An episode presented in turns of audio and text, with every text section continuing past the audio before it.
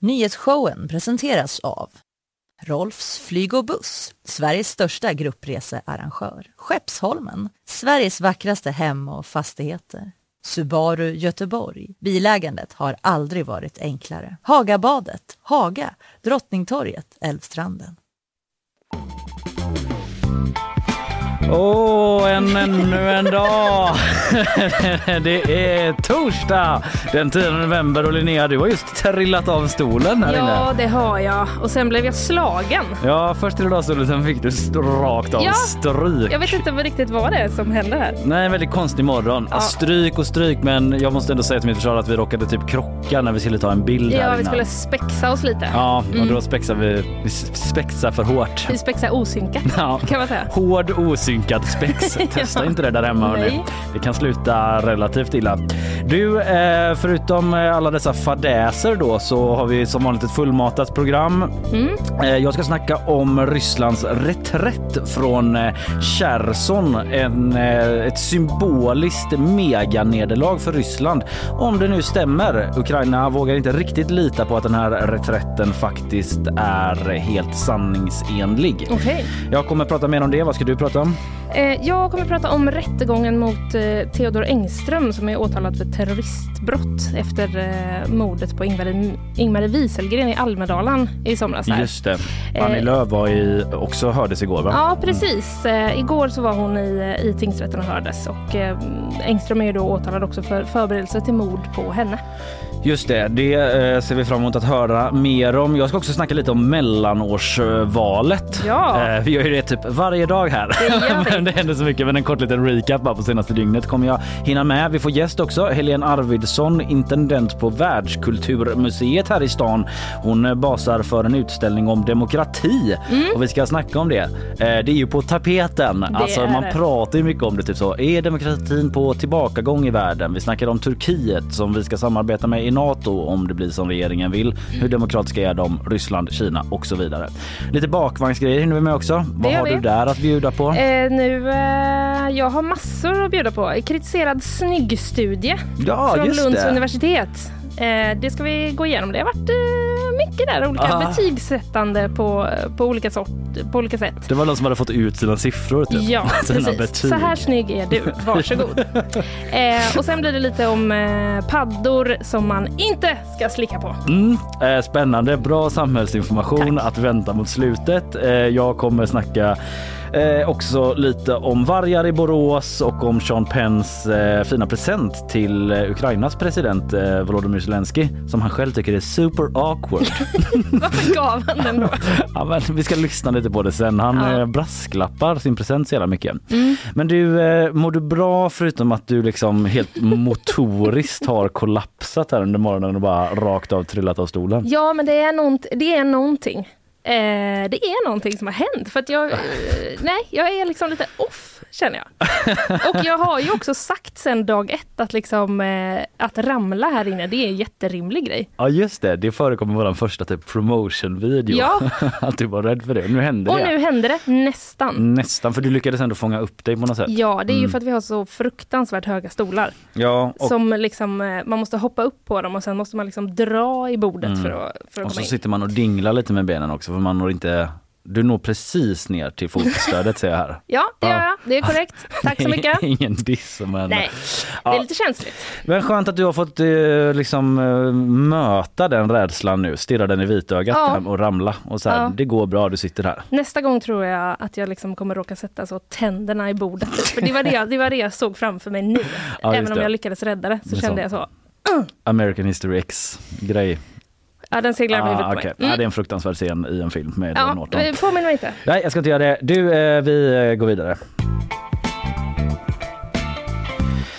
Jag tänkte först innan vi tar oss till Ukraina att vi tar oss till USA och bara uppdaterar oss. Det är ju mellanårsval som har eh, avgjorts men inte riktigt då. Det är Vad fortfarande... gör du nu Kalle? Nej, alltså, det ser så lite... konstigt ut när du ja, sådär... ibland kavlar jag upp när jag har t-shirt. Blir en sån solig, eh, som att du ska sola. Ja, men jag vet inte. Förlåt att jag avbröt men det, det distraherar för mycket. Alla som ser i tv vet eh, vad du pratar om men ja. Jag, jag, vet inte varför jag gör så. Det är som att jag kavlar upp ja. du vet den kampanjen för corona Liberalerna. Ingen har frågat mig men jag står ändå fortfarande vill gärna att folk ska tro att jag är med i den kampanjen ja, för att vaccinera sig. Nej, ja. det är bara någon sorts tics jag har. Eh, nej, men vi ska då till USA. Alltså, eh, det är ju fortfarande inte klart. Det Nej. står och väger mellan några få delstater och som vi försökt förklara nu i några veckor känns det som så är det ju två kamrar man röstar in folk till i USAs kongress. Det är ju representanthuset och senaten. Och republikanerna ser, republikanerna ser ut att gå mot seger i representanthuset. Det är inte helt klart men det verkar så. Så vi hoppar över till senaten för det är mm. där det är mega jämnt fortfarande då. Eh, det är liksom eh, Demokraterna har 48 stolar just nu och Republikanerna 49 mm. av 100. Det är alltså tre delstater kvar. Och i Georgia då, som är en av dem, där vet vi att det kommer bli en ny valomgång, en så kallad runoff som oh de säger där. my god. Mm, indeed. Eftersom ingen av kandidaterna där har tagit över 50 procent. Det måste man göra. Men det är en tredje kandidat Just som är med, en libertarian som har tagit Just. 2 procent. man bara, varför gör du det här? Ja, lite. Alltså det är väl fint att man vill engagera sig politiskt. Ja. Men om du, så ja, Nej precis. Det är det, lite på honom att alla måste rösta igen ja. den 6 december typ. Ja. Man bara, ah, bra med demokrati men also vi har ett liv typ att sköta. Eh, ja, lite så. Ja, i alla fall 6 december eh, ska de rösta en gång till då och det kan bli direkt avgörande eh, det valet för vart det tippar åt. Det beror på hur det går i de andra två delstaterna som är kvar, alltså Arizona och Nevada. Ja. Ökenstaterna. Coolt. Mm. Eh, tycker du? Det får stå för dig att det är coolt. Är coolt. ja, det är ganska coolt. Ja. Eh, de räknas fortfarande där och eh, om något av partierna, Demokraterna eller Republikanerna, vinner båda dem, då spelar det ingen roll hur det går i Georgia. Då får Nej, de okay. som vinner båda liksom makten i senaten. Men om de vinner en var, då blir det eh, avgörande i Georgia. Mm. För eh, om det blir liksom 50-50 ehm, i senaten av, där de har 100 platser, då är det vicepresidenten. Jag vet att du har gått igenom det här en gång. Mm. Men eh, då är det vicepresidenten som har utslagsrösten och den är demokrat just nu. Så Ja, det är så jämnt är det. Det är alltså den här, eh, vad, vad var han för, eh, den här tredje politikern i Georgia? Vad var han, han libertarian. libertarian. Mm. Det är mm. alltså libertarianen som håller hela USA Gisslan, i så fall gisslan med sina 2 procent i Georgia. Fram tills att de kan rösta igen. Ja precis. Det är ändå, eh, vem är det? Det undrar man ju. Ja, den personen... det har jag inte riktigt koll på. jag tror inte att eh, han, för jag tror det var en man i alla fall för mig, mm. eh, inte är med i den andra omgången då. Utan nej, då är det nej. bara de två, republikanen ah, ja, och demokraten som det ser mm. jämnt mellan. Mm. Så det får vi se då. Andra nyheter korthet bara från mellanårsvalen som har stuckit ut. Beto O'Rourke har gjort av med 175 miljoner dollar på fyra år på att försöka bli senator, president och guvernör. Han torskade nu senast då mot Greg Abbott i Texas. Mm. Så det var liksom pengar i sjön Mycket. för Beto. Ja, verkligen. Den enorma röda vågen uteblev. Just det. Rubrik nummer två. Eh, man trodde ju, alltså röda är ju då republikaner i USA, att eh, det skulle gå väldigt bra för dem eftersom oppositionen brukar gå bra mm. eh, i mellanårsvalen. Men eh, det blev inte riktigt så bra. Så lite positivt för Demokraterna, mm. även om Republikanerna typ ser ut att eh, få majoritet. Eh, den stora vinnaren av de enskilda kandidaterna, här är rubrik 3, är han eh, Rick DeSantis, eller Rick DeSantimonious som Trump ju försöker sätta. Det var det nya smeknamnet Ja, det två, ja. två plus smeknamnet. Ja, ja. Tycker jag, inte jättestarkt. Men han tog en jordskredsseger i Florida och eh, många tror då att han kommer liksom utmana Trump 2024 om att bli Republikanernas presidentkandidat. Mm -hmm. Särskilt nu när han har så himla mycket vind i seglen då. efter den här jättesegern. Eh, så vi får se om Trump liksom slipper fram nya smeknamn för att knäcka honom. ja, han får nog jobba lite hårdare om det är smeknamnen det ska falla på. Falla liksom. på. Mm. Ja det får han göra. Uh, han har ju sagt det, det nämnde du också tror jag, men att han ska göra ett big announcement mm. den 15 november. Mm. Och uh, många tror att det kanske handlar om att han ska ställa upp i presidentkampanjen men han har inte sagt vad det var. Det kanske är typ big announcement, here's my new nickname for Rick DeSantis. ja. Rick DeSantis jag kommer inte på något. Jag är inte Trump. The nej, jag kommer inte heller på någonting. The sad man. Ja, nej, men så det kan mycket väl bli han. Till sist då så sägs Trump vara rasande efter Oj. att det har gått så dåligt för många republikaner. Mm. Till exempel Dr. Oz Mehmet just Oz som vi pratat om som Ja. torskade i Pennsylvania. Ja, han gjorde det. Han gjorde ju det och eh, då ska Trump vara skitsur för att folk typ har eh, rått honom att eh, stötta Dr. Ross. Till exempel Melania, hans fru. Ska ha, så han är rasande på sin fru eh, för att hon då eh, ska ha uppmanat honom att backa Dr. Ross. Ja, men ingen kan ju veta hur det skulle gå. Man kan väl få backa någon även om den förlorar. Eller- Ja, Nej, det förlåt. kan man. Men Jag Trump komma- hatar ju... Ja, han, gör ju det. Han ska hatar svaghet, han vill inte omge sig med losers. Nej. Ge Nej, nej, han då. Och då blir han arg på Mm. de som har rekommenderat honom. Kallar upp sin fru. Ge fired. ja, lite uppdatering var det om mellanårsvalet. Vi får se om vi typ gör det imorgon igen. Jag tror inte det. Men imorgon vet vi kanske lite mer hur det har gått i Arizona och eh, Nevada i alla fall.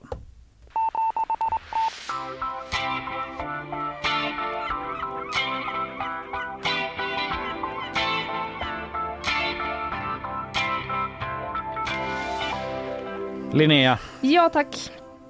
Jo, i tisdags så inleddes rättegången mot eh, Theodor Engström i Visby. Och han är ju åtalad för mordet på Ingmarie Wieselgren som Mm. var nationell psykiatrisamordnare på SKR, Sveriges kommuner och regioner.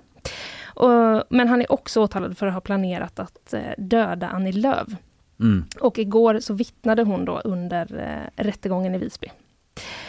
Eh, jag tänkte bara vi tar lite vad det var som hände där i somras, för det var ju mitt under Almedalsveckan som polisen larmades då till Donners plats i Visby och eh, det man visste först var att det var en kvinna som hade blivit knivhuggen och senare på kvällen så meddelade polisen att hon hade dött av sina skador. Eh, och det var då Ingmarie Wieselgren. Och det var ju också väldigt mycket folk på den här platsen Mm. fullt med journalister och politiker och eh, besökare. Ja, Också. hela Almedalsveckan är ju, jag har aldrig varit där men eh, vad man förstår en ganska kaotisk myllrande plats Ja. med folk och hela Sveriges maktelit Ja. samlade typ. Precis, jag tittade lite på eh, våran, vi på GP hade ju eh, reportrar och fotografer på plats och eh, vi hade en livesändning såg jag från, från platsen och det är ju väldigt sådär, ja men små gränder, kullersten och, och sådär. Gammal, gammal stad Visby. Ja, precis. Eh, och Theodor Engström, som nu är åtalad, då, han greps väldigt snabbt och väldigt nära brottsplatsen. Så Mm. det, var ju, det skedde ju väldigt fort, det Ja. gripandet. Vi har ju hört om den här Göteborg, eh, göteborgaren, han eh, mannen där som tacklade Mm. ner honom. Mm. Eh, väldigt eh, rådigt agerat minst sagt av Ja, honom. men precis. Han, trodde att det var, han tänkte att det var någon väskryckare. va, Ja jag men precis och så eh, bara, ja men han bara på instinkt liksom Mm. bara, ja ja vi ska inte ha några väskryckare har han sagt. Så han bara Nej. knuffade in honom i en vägg så Ja. han däckade typ så kom polisen. Man Mm. bara well done, din Ja. jävla hjälte. typ. Verkligen. Ja. Eh, ja, och i, i augusti då så kom det ju fram att Annie Lööf var målsägande i den här utredningen. Mm. Och att eh, Theodor Engström då ska ha planerat att döda henne. Och hon var ju precis i närheten när mordet skedde. ja hon var ju det. Ja, för så obehagligt. ja, precis. Centerpartiet skulle hålla en pressträff där precis i närheten. Så eh, i rätten så bes- beskrev hon också ja, hur, vad som hände från Mm. hennes håll när det Mm. hände och hur hon liksom blev eh, det kom någon livvakt och sa nu får vi gå undan här. Och, ja, Just det, för man har fått höra henne i rättegången nu verkligen eh, ja, Mm. beskriva precis. liksom, hennes dag där och hur hon har mått efter det Ja. här och så. Mm. Precis. Och hon berättade då eh, att valrörelsen för hennes del blev eh, påverkad av det här. Mm. Eh, av att hon då fick veta att hon var en, en måltavla. Mm. Eh, och hon säger så här, min kalender brukar inte påverkas men den gjorde det av detta. Jag tyckte att det var en jättestor ansträngning att gå Pride-paraden. Jag gick på spänn hela Pride-paraden. Fortfarande tittar jag på vad människor har i händerna när de träffar mig, säger Mm. hon. Det låter helt fruktansvärt. Ja, Faktiskt. verkligen. verkligen. Eh, vi kan ta och lyssna på ett klipp också från eh, Sveriges Radio, eh, vad hon sa under rättegången. Det påverkar mig som privatperson jättemycket. Det påverkar mig som mamma. När, när ens sjuåring kommer hem och frågar varför någon vill döda mig. Ja, Jag hörde lite förstå. av det här eh, på radio också Mm. under eh, morgonen här men eh, jag vet inte att hon inte bara knäcks och bryter ihop i tårar liksom. ja. Jag cyklade och lyssnade på det här på väg till jobbet och Mm. själv liksom eh, ja, tårades i ögonen typ för det är så jävla starkt när hon pratar just om sina barn och hela den här ja, grejen. Ja typ. precis, hon nämner också att hon liksom vid vissa tillfällen inte har velat att de ska vara ute i ens deras egna trädgård och leka utan att någon har koll. Liksom. Och då börjar man tänka på Ingmar Wieselgren och hennes anhöriga. Ja. Ja. jag ska inte liksom Ja. vandra ner den vägen men ja, eh, väldigt eh, obehagligt. Mm, verkligen. Eh, hon berättade där också då att hon undvek, eh, undvek att hålla tal bland stora folksamlingar och ja, som vi hörde att det har varit väldigt påfrestande för henne. Mm. Ehm, och om vi går in på mer eh, på åtalet då, så har det, ju, Mm. det har kommit fram i utredningen att eh, Theodor Engström då har kartlagt en rad offentliga personer. Mm. Eh, däribland Annie Lööf. Han ska ha haft olika listor på måltavlor. Ja, man har sett lite så skärmdumpar från den här förundersökningen Mm. på olika mappar på hans dator Mm. och sådär. Ja. Precis. Eh, och i, eh, på en hårddisk som, som tillhör honom, som polisen har beslagtagit då, där hittade man en bild på Annie Lööf som är tagen i Almedalen 2014. Mhm. Det är en bild på när hon sitter i eh, en av SVTs liksom tillfälligt uppbyggda studios Mhm. eh, och eh, frågas ut. Och på den här bilden, eh, då har liksom i utredningen så säger man att man kan, vi har hittat den här bilden, vi kan inte slå fast att det är han som har tagit den. Eh, då så ser man på den här bilden en av SVTs liksom filmkameror Ja. som står riktad rakt mot där bilden är tagen ifrån. Okej. Och då har SVT gått tillbaka i sina arkiv eh, och kunnat se vad den filmkameran spelade in. Oj, vilket detektivarbete. Ja, men precis. Och då så ser man eh, då så ser man Theodor Engström stå då i publiken och ta upp en telefon, göra någon slags liksom zooma in-rörelse. Ja, ja. Ehm, så att eh, det ska ju ha pågått liksom ganska länge. Ja, det här var 2014 ja, sa du? precis. Ja, Så det är väl mm. eh, åtta, år sedan, ja. Ja. ungefär. Mm. Eh, och Annie Lööf ska ju nu eh, avgå som partiledare, har ju hon gått ut och sagt. Men det här är ju inte... Hon har sagt att det här är inte liksom huvudanledningen, Nej. utan att det finns andra. Mm. Och i förhören då under utredningen, då har eh, Theodor Engström kallat sig själv för spökpojke, eh, som levt isolerad i en spökbur eh, på grund av psykisk ohälsa. Han tycker inte liksom, att han har fått den hjälp som han har behövt. Eh, och han har beskrivit psykiatrin i Sverige som ett stort skämt. Och att han då följt Wieselgren. Han Mm. har sett henne Mm. i media mycket och att hon då har blivit någon sorts symbol för honom. Ja, precis. Han har liksom sett henne som en representant för, för hur Mm. vården inte funkar, Just som det. han då tycker. Men det har också konstaterats att han lider av en allvarlig psykisk störning. Mm, En precis. utredning har... Ja, vi kommer till det. Mm, vi kommer eh, till det. lite Förlåt. senare. Mm. Eh, men och han har också då sagt att det här dådet skulle vara ett skrik för att påverka samhället. Så har han liksom eh, förklarat sig där. Och eh, när åklagaren rättegången, eh, i början av rättegången, när åklagaren beskrev liksom Engströms intresse för Annie Lööf, hur han hade varit inne och googlat och sökt på olika saker, så då så, så sa han Oh my fucking god, Ja, högt ut i rättssalen. jag såg någon flash om det. Mm, precis. Oklart eh, exakt vad han bara vad han menar med det med. Ja. Oh fucking god, typ sluta eller typ att han typ skäms eller något. Ja, jag vet faktiskt inte heller Nej. vad han menar, men Nej. det var ändå, det var no, han liksom ut, utropade det där. Ja. Eh, och under eftermiddagen igår, då fick rättegången eh, också pausas en stund. Eh, Mhm. Efter att eh, Theodor Engström då hade blivit liksom, ja men han blev, eh, han, han ville liksom prata han Fritt. ville, ja, han Ja. ville säga vissa saker, han ville ställa frågor till åklagaren. Och Ja. i en rättegång så finns det ju väldigt tydliga regler för hur saker ska ske. Mm. Ehm, och då blev han liksom upprörd när han inte fick ställa de här frågorna då. Så då eh, leddes han ut från salen för att man skulle ta en Mm. paus. Ehm, och så ska han då ha liksom ropat fullständigt, fullständigt otroligt, fullständigt riggat, ska han ha ropat då. Okej. Aftonbladet där. Men sen kunde man ändå fortsätta, ehm, fortsätta rättegången. Ja. Ehm, vi ska lyssna lite också på ett klipp från eh, Sveriges Radio där han eh, liksom svarar på frågan om varför han eh, valde just Almedalen. Därför jag ville slå tillbaka mot hela svenska folket. Och varför var Almedalen den bästa tänkbara platsen då? Därför det hade ett väldigt starkt symbolvärde för hela det svenska folket och dess styrande elit. Ja. Eh, Det är ju någonting med att han eh, låter ganska så genomtänkt på ett sätt samtidigt som man förstår att det här är en människa som, eller förstår, jag har, ingen, jag har inte liksom utrett honom som psykolog men att eh, man tolkar det som att han också svänger väldigt mycket i sin, eh, i sitt humör och i sin ja. liksom, uppfattning om verkligheten och så vidare. Ja, han, han byter ju, han använder ju också vissa begrepp liksom återkommande. Han har ett, ett lite specifikt sätt att uttrycka mm. sig också som återkommer. Men som till exempel det här med spökpojke då, som man ja. kallar sig och sådär. Um, det är tre punkter då som han är åtalad för. Det mm. är eh, terroristbrott mm. genom mordet på Ingmarie Wieselgren. Det är försök till terroristbrott genom förberedelse till mord på Annie Lööf. Och sen är det ett eh, narkotikabrott också. Mm. Och han har ju erkänt det här. Alla tre punkter? Eh, I alla fall, jag ska låta det vara osagt om just narkotikabrottet, ah, för det har mm. det inte rapporterats så mycket om. Nej, Men i alla fall de andra två mm. eh, har han erkänt. Och precis som du nämnde innan där så har det gjorts en eh, rättspsykiatrisk undersökning som då kom fram till att eh, dels att han var påverkad av en allvarlig psykisk störning när han utförde det här eh, och också när undersökningen gjordes. Då. Eh, så det innebär ju att om, eh, om han döms så blir det troligtvis rättspsykiatrisk eh, vård, men det. det. kan också bli fängelse. Mm. Det är liksom ingen... Eh, ja. Det får vi se. Precis, det kan bli fängelse ändå.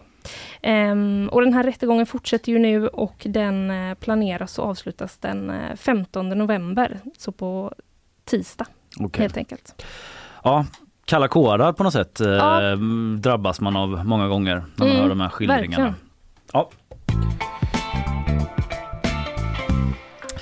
Tack för det Linnea. Vi ska ta lite eh, sponsormeddelanden här. Sen blir det nyheter med Isabella. Sen är jag tillbaka med eh, senaste nytt om den här ryska reträtten i Cherson som väl kom eh, relativt oväntat ändå, kanske inte för de allra mest insatta men ett, ett liksom pinsamt bakslag för Putin har det kallats. Ja, annat. ja men det framstår ju så. Ja, vi kommer in på mer varför mm. om en stund men först då lite sponsormeddelanden. Nyhetsshowen presenteras av Rolfs flyg och buss, Sveriges största gruppresearrangör. Skeppsholmen, Sveriges vackraste hem och fastigheter. Subaru Göteborg. Bilägandet har aldrig varit enklare. Hagabadet, Haga, Drottningtorget, Älvstranden. Ja, alltjämt är det torsdag. Det är torsdag. 10 november, alltjämt heter du? Linnea Rönnqvist. Mm, du ser, det, det, är någonting i mig som inte riktigt är uh, igång idag. Alltså tyckte du det? Jag tyckte, ändå ja, jag tyckte jag var lite seg. sa ditt namn fullt normalt. Ja men vad bra. Skönt. Men hör av er om ni tycker att hon är fullt onormal. Nyhetsshowen på Instagram heter vi där och eh, nyhetsshowen at gp.se. Nu eh, vänder jag mig eh, lite grann om för min mick har fastnat i något konstigt läge. Men lite sneglar jag bort mot dig Isabella Persson. God morgon. God morgon. Hur står det till? Det står bra till. Du, eh, du är här i vanlig ordning för att eh, ge oss eh, ett nyhetssvep. Ja. Eh, jag ska ställa om här och ge dig dina ljud så får du göra det. En person har nu under morgonen förts till sjukhus efter en brand i en lägenhet på Odinsgatan här i centrala Göteborg. Branden kunde snabbt släckas men skadeläget på personen är i nuläget okänt. Ryssland drar tillbaka trupper från Chersonområdet efter en order från ryska försvarsministern. Reträtten har kallats för ett fiasko men i Ukraina är man inte övertygad om att uppgifterna faktiskt stämmer. Till New York Times säger Roman Kostenko, ordförande i Ukrainas försvarsutskott, att man nu noga följer de ryska styrkornas rörelser. EU-kommissionen vill låna ut 200 miljarder kronor till Ukraina nästa år. Pengarna ska bland annat användas för att hålla igång skolor och sjukvård. Upplägget är avvikande från hur EU traditionellt ger lån och stöd och Ungern har redan satt sig på tvären nu när förslaget ska beslutas av medlemsländerna och parlamentet, vilket kan leda till att lånet försenas eller till och med stoppas.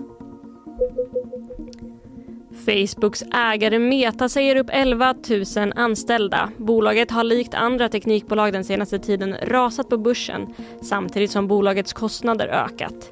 Med uppsägningarna minskar man personalstyrkan med 13 procent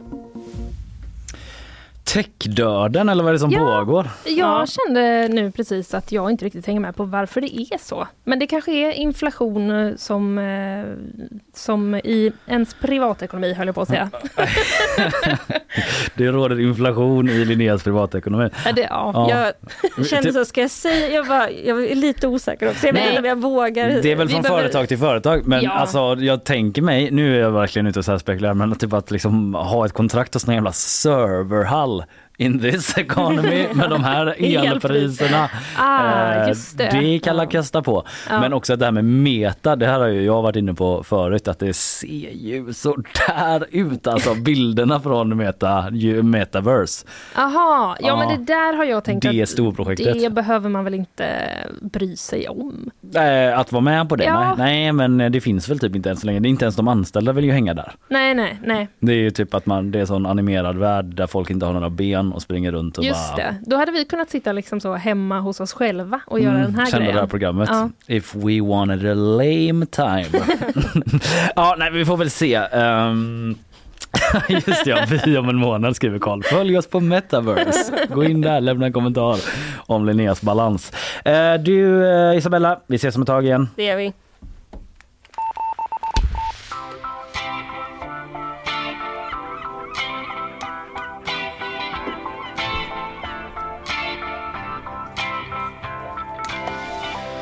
Som utlovat då så tänker jag fördjupa mig och oss lite mer i vad som sker i Ukraina för det händer ju grejer vid fronten, eller en av frontlinjerna i alla fall. Eh, Det var igår eftermiddag som Rysslands försvarsminister meddelade i rysk stats-tv då att ryska soldater ska retirera från Cherson. Fick du någon flash? Det fick jag, Ja. flera stycken fick jag. Reagerade? Eh, reagerade, oj, Mm, lite så jag Faktiskt. reagerade också. Ja. En stor seger för Ukraina om Cherson alltså återfaller i deras kontroll nu. Det säger överstelöjtnant Joakim Paasikivi till oss på GP. Eh, Men eh, frågan är om det går att lita fullt ut på de här ryska uppgifterna. Ska de lämna eller är det någon form av krigslist? Ukrainas president Zelensky han förhåller sig själv kritisk till den här reträtten får man säga. Han är skeptisk. Eh, Vi måste vara känslokalla har han sagt och att han själv definitivt inte kommer bjuda fienden på några detaljer om våra operationer. nej, Det har ju hänt Aha. tidigare att ryssarna har varit luriga. ja, ja, ja. Att de spridit falsk information. Men så då, då tänker man att eh, Ryssland kanske säger det här för att Ukraina ska tänka, Och då kommer vi väl in då Ja, i. Cherson Mm. och så bara kablam. Mm. Ja, men något i den stilen. Eh, man vill väl åtminstone helt klart eh, i, eller liksom gå försiktigt fram. ja, ja, absolut. För att man, eh, ja, är det något man lär sig att man kanske inte tar Rysslands krigsapparat på orden. Mm. Typ att de är så helt sanningsenliga hela tiden. Eh, vi återkommer lite till det där med eh, hur eh, sant eller inte det kan tänkas vara men det verkar i alla fall eh, osannolikt att de skulle lämna Cherson helt utan en fight liksom. mm. Eh, det tvärtom ska ha kommit rapporter om att de skeppar in eh, ny, nytt materiell Jaha. eh, enligt upp, ukrainska uppgifter. okej. Så det verkar liksom inte vara som att de lämnar hela staden bakom sig. Eh, I alla fall, eh, det skulle vara en enorm prestigeförlust för Putin om de tappade Cherson. För det man kan säga om den staden, den ligger ju i sydöstra Ukraina och det var ju den första större ukrainska staden som ryssarna erövrade i Ukraina. Och eh, där har man också genomfört en sån här helt illegitim eh, folkomröstning då som du känner till eh, och eh, man har annekterat området där. Och eh, Kreml har sagt om Cherson och andra områden som man gjort samma sak i att det skulle vara att, det ska, att de ska vara ryska för alltid. nu. Just det, det är ju en av de ställena. Precis. Då, ja, just det. Så man har verkligen liksom kommit in och satt ner flaggan så här, det här är ryskt Ja. för alltid nu. Eh, men nu kommer det kanske inte bli så då Nej. och det Men då kan, man, då kan man ju förstå ännu mer att, eh, att Ukraina liksom är lite försiktiga med eh, verkligen. och lita på dem. Mm, verkligen. Eh, alltså samtidigt eh, då så det finns liksom, eh, ja men det är en rådgivare till eh, Zelensky har enligt Aftonbladet sagt att det finns liksom inga tecken på att ryssarna tänker lämna utan strid. Man har Mm. inte sett så bevis på att de är borta borta. Eh, men eh, det man vet i alla fall det är att Ukraina i det här området runt Cherson har haft ett övertag, alltså att man har gjort det svårt för Ryssland där. Oskar Jonsson, han är expert på, på fysisk krigsföring knuten till Försvarshögskolan då. Han eh, hör man ju ofta om Ukraina. Han var med i SVT igår och pratade just om att Ukraina i den här regionen då beskjutit broar och andra platser från lång distans. Ända sedan i augusti då har Ukraina börjat beskjuta Ryssland på djupet, alltså runt här vid Novakachovka och mm. Cherson. Det har bara funnits fyra broar här över. Och det här har Ukraina beskjutit eh, med lång räckvidd som har gjort att det varit väldigt svårt för Ryssland att behålla sin trupp där. Mm. Det har varit tydligt ganska länge, men ändå har Ryssland skickat dit, förstärkt sin närvaro där och verkat beslutsamma att hålla den här positionen. Mm. Men det är, de har landat i beslutet att det kommer kosta på tok för mycket att försöka stanna kvar där, så därför väntar någon form av omgruppering.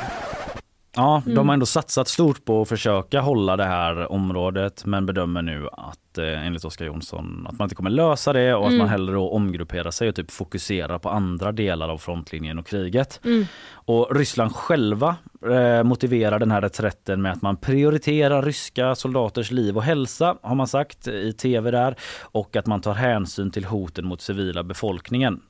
Det är vad de säger. Ja. Eh, de, eh, ja, det var försvarsministern som pratade om det i rysk tv igår och den här reträtten kommer också efter att Ryssland under flera veckor har evakuerat civila från Cherson. Så det har ju mm. varit liksom, som Oskar Jonsson också sa, bombningar, liksom väldigt mm. eh, svåra förhållanden för alla som befinner sig där. Mm. Och det här bakslaget då i Cherson, oavsett hur det blir med reträtten så är det ju någon form av bakslag så är det, det bakslaget enormt. Det mm. tycker Oskar Jonsson eh, och eh, hökarna kommer bli galna. Det tror Joakim Paasikivi. Vill du översätta va? det MÖP-språket eller ska jag ta det? Tar du det? Tar du MÖP-språket? Nej men hökar är ju det man brukar kalla liksom de inom ledningen, alltså det är inte bara i Ryssland men typ eh, det finns amerikanska hökar också, men de som är liksom mer kompromisslösa, hårdföra, lite mer så här mhm. krigsinriktade. Mm. Och att det är Joakim Paasikivi som säger det till oss på GP. Man kan läsa den artikeln för övrigt mm. på vår sajt eh, för ännu mer eh, inblick i Joakim Paasikivis tankar och annat. Men att han tror att de här mer hårdföra maktpersonerna i Ryssland kommer bli galna av den här förlusten liksom, svinförbannade. Aha, eh, sen vad det kommer innebära, det vet man man inte riktigt om de kommer liksom så här slå tillbaka ännu hårdare på mm. något annat sätt. Men eh, eh, Joakim Paasikivi säger i alla fall att det finns goda chanser för Ukraina nu att stoppa den ryska offensiven.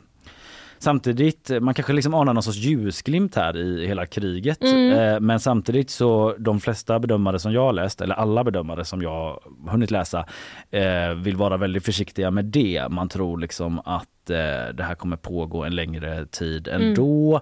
Mm. Anna-Lena Laurén, DNs korrespondent, hon skriver att det, det finns inte en chans att Ryssland vinner det här kriget. Eh, men hon vill inte bedöma när det ska ta slut och sådär. Men uttåget ur Cherson är bara ett av bevisen men det starkaste, starkaste hittills. Mm. Hon har sagt eh, i ett tidigt skede att eh, Ukraina blir liksom Rysslands motsvarighet till Afghanistan. Att man Aha. är där skitlänge men man liksom lyckas inte riktigt med det man har föresatt sig. Ja, inte liksom en exakt jämförelse men du Nej. fattar typ mm. att det är så ett utdraget långt krig som leder typ ingenstans egentligen. Mm.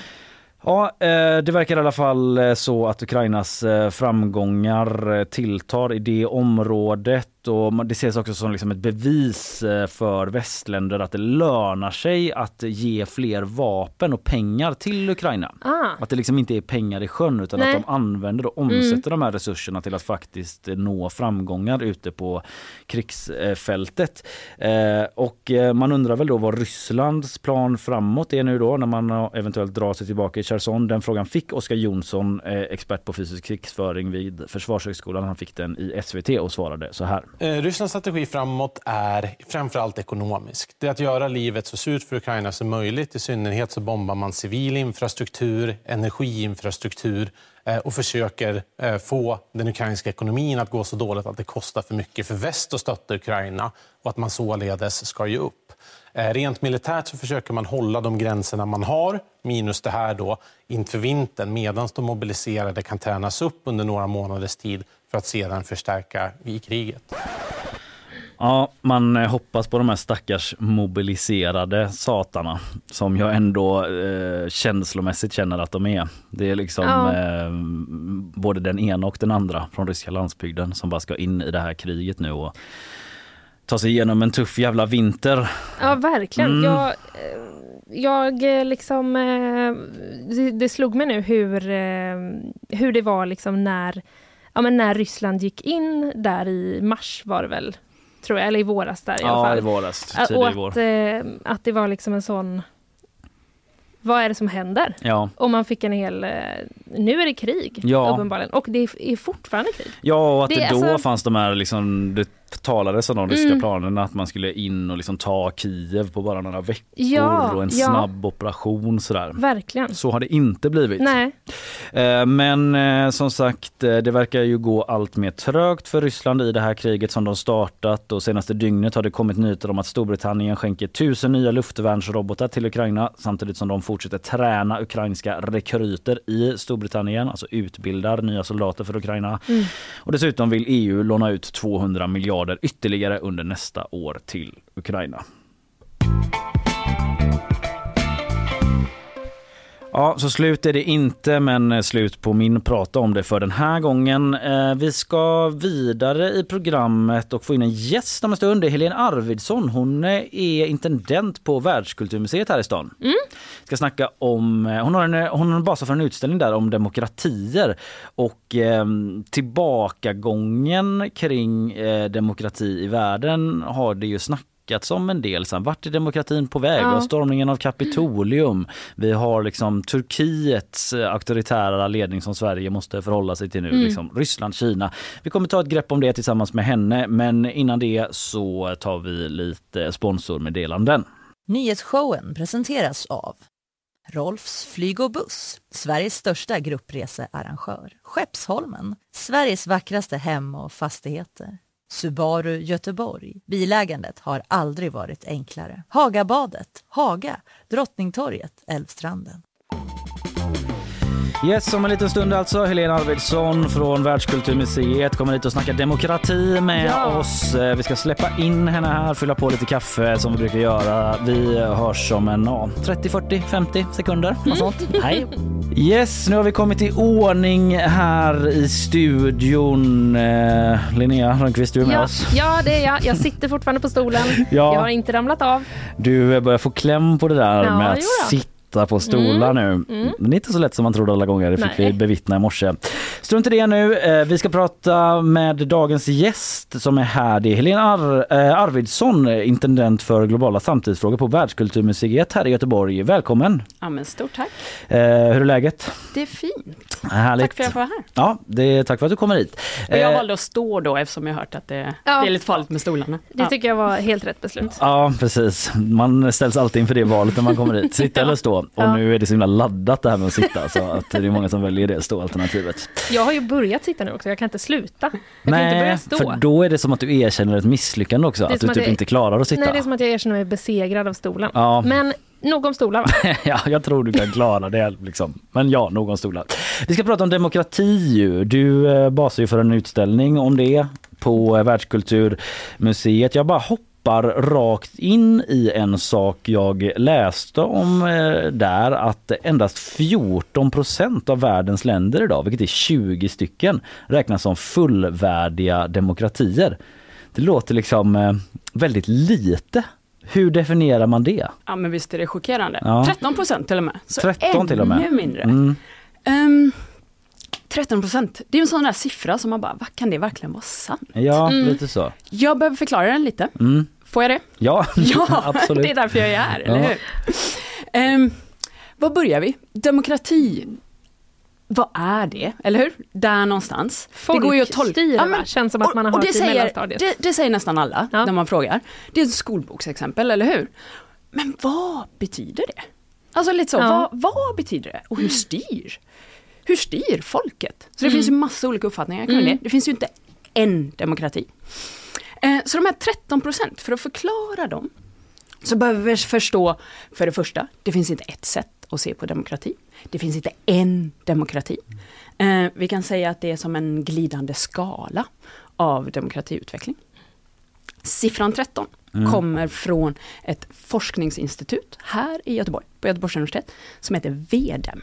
Ja, just det. De hört talas har man om hört talas om nu i samband med Turkiet ja, eh, och NATO-ansökan där. Exakt, den tänker jag att vi kan komma in på för mm. det är mm. spännande.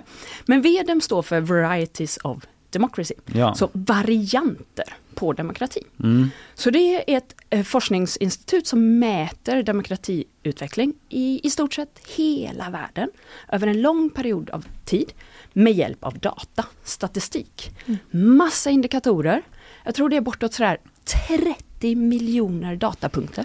Alltså sådär oh, enormt. Herregud. Om det är en siffra vi inte ens förstår. Ja, Om 13 är en liksom, så är 30 miljoner mm. en annan. Mm. Det är ju mm. galna siffror som vi bara slänger oss med.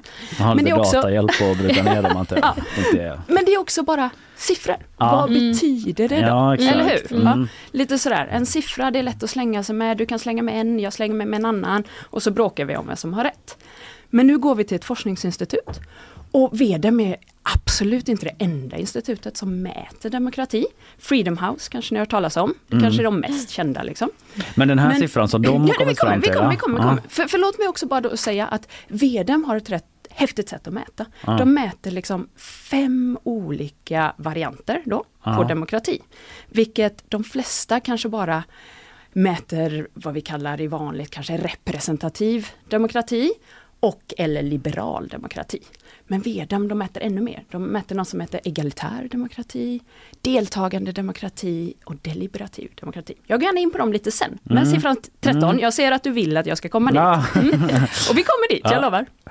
Så vad VEDAM också gör är att eh, återigen, vi målar upp den här skalan och då pratar de om, vi har demokratier på ena sidan och sen har vi autokratier på andra sidan. Mm. Autokrati, typ diktatur, ja. envåldsvälde eh, liksom.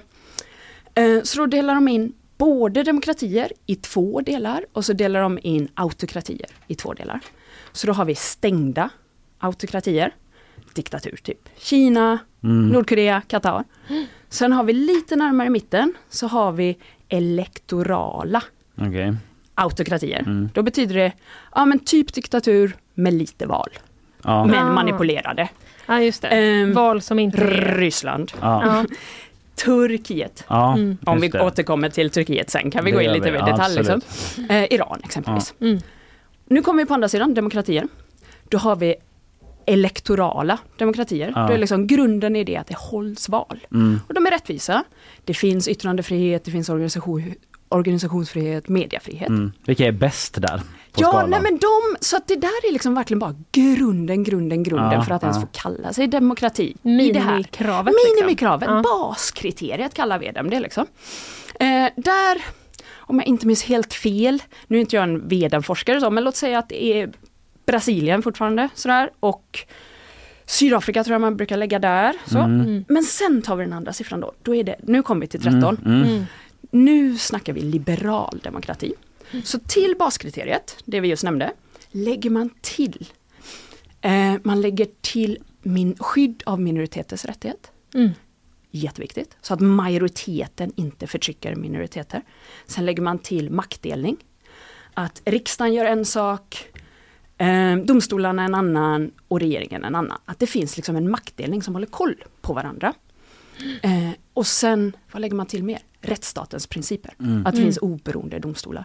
Oerhört viktigt. Det är ganska få då som lever upp till alla 13. de här. Mm, 13 procent som är typ 20 Där kommer vi liksom. Ja. Så när vi då liksom säger det här, liberal demokrati, så menar vi baskriteriet med naturligtvis rättvisa val och allt mm, det där. Mm. Men också alla de här, speciellt liksom, minoriteters rättigheter. Men man pratar ju en del om att, eh, ah, liksom en någon sorts allmän debatt om så här, hur mår demokratin i världen idag? Är den på tillbakagång? Liksom, ja, ser vi mer auktoritär? Det skulle du säga? Kris. Ja. Det säger forskarna. Eh, och så säger jag vad de säger. Ja.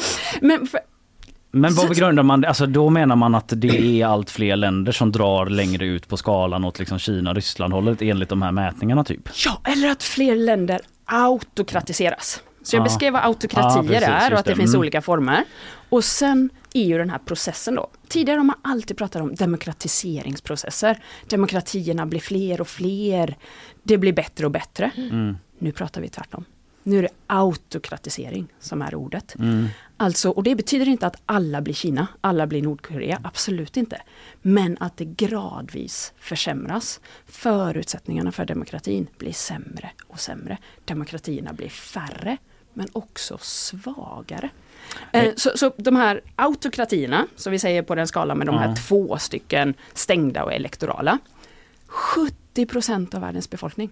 70 procent av Lever världens såna. befolkning lever i sådana. Mm.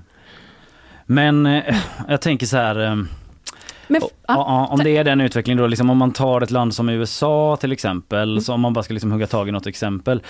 Eh, menar man att eh, den utvecklingen sker där? På vilket sätt? Jag menar så här, när det fortfarande är fria val typ och folk röstar på kandidater som Mm. kanske vill eh, eh, ja, men jag vet inte, som för en viss politik typ, eh, då är det väl fortfarande ett fritt val som har fört eh, det fram till nej det hållet. Jättebra fråga och det är Ja. mellan, mellanårsval, Ja. vi läser om det nu eller hur, vad, vad ska hända, Mm, nu är det mm. 49-48 i delstaterna Det pratar ju, Joe. Biden Ja. om att det är ett val om demokratin. Typ. Eller Eh, hur? Då menar han väl Mm, han att liksom, om de torskar demokraterna så är det ett bakslag för demokratin. Men samtidigt röstar ju folk på det, republikanerna. Då har väl demokratin segrat?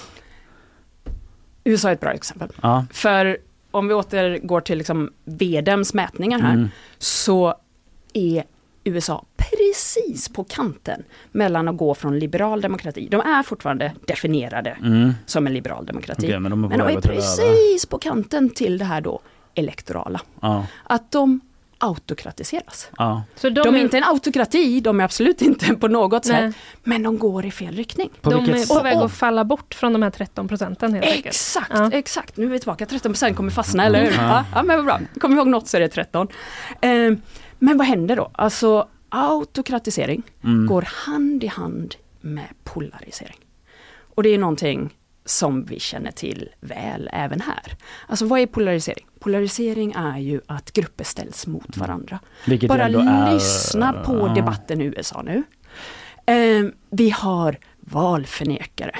Mm. Eh, man, man hoppar på varandra. Det är ju inte, det är inte trevliga debatter vi hörs, Nej. utan det är ju personpåhopp. Man kallar varandra lögnare. Mm. Det är ju inte baserat på välformulerade argument. Det här tror vi på, det här tror vi på, hit ska vi.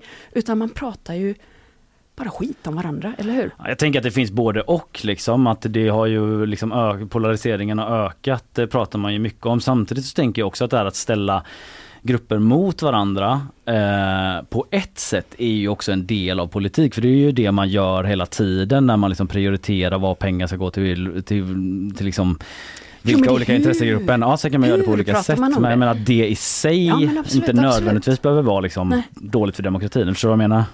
Jag förstår vad du menar. Eh, jag är inte säker på att jag helt håller med dig. Nej, nej jag Eh, så bara då- lyfter det perspektivet. nej, absolut, liksom. absolut. Mm. Så, så jag pratade i början om att VD mäter mer än, elektoral och, Mm. och liberal demokrati.